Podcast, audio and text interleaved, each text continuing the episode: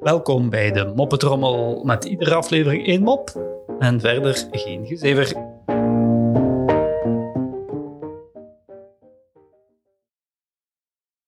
Op een dag zat ik in het stadspark van Leuven wat er rond te kijken. U weet hoe dat gaat. Ik uh, zag daar twee man aan de slag van de stadsdienst. Ik dacht, hmm, interessant, wat gaan die doen?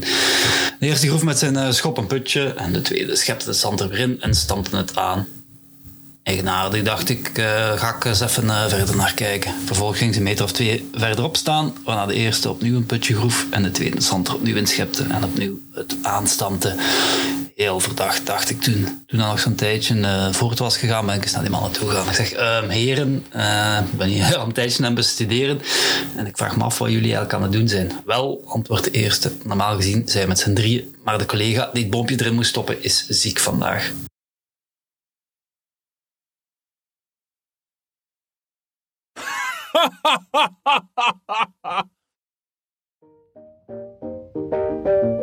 Zo, dat was de moppetrommel voor vandaag. En tot morgen.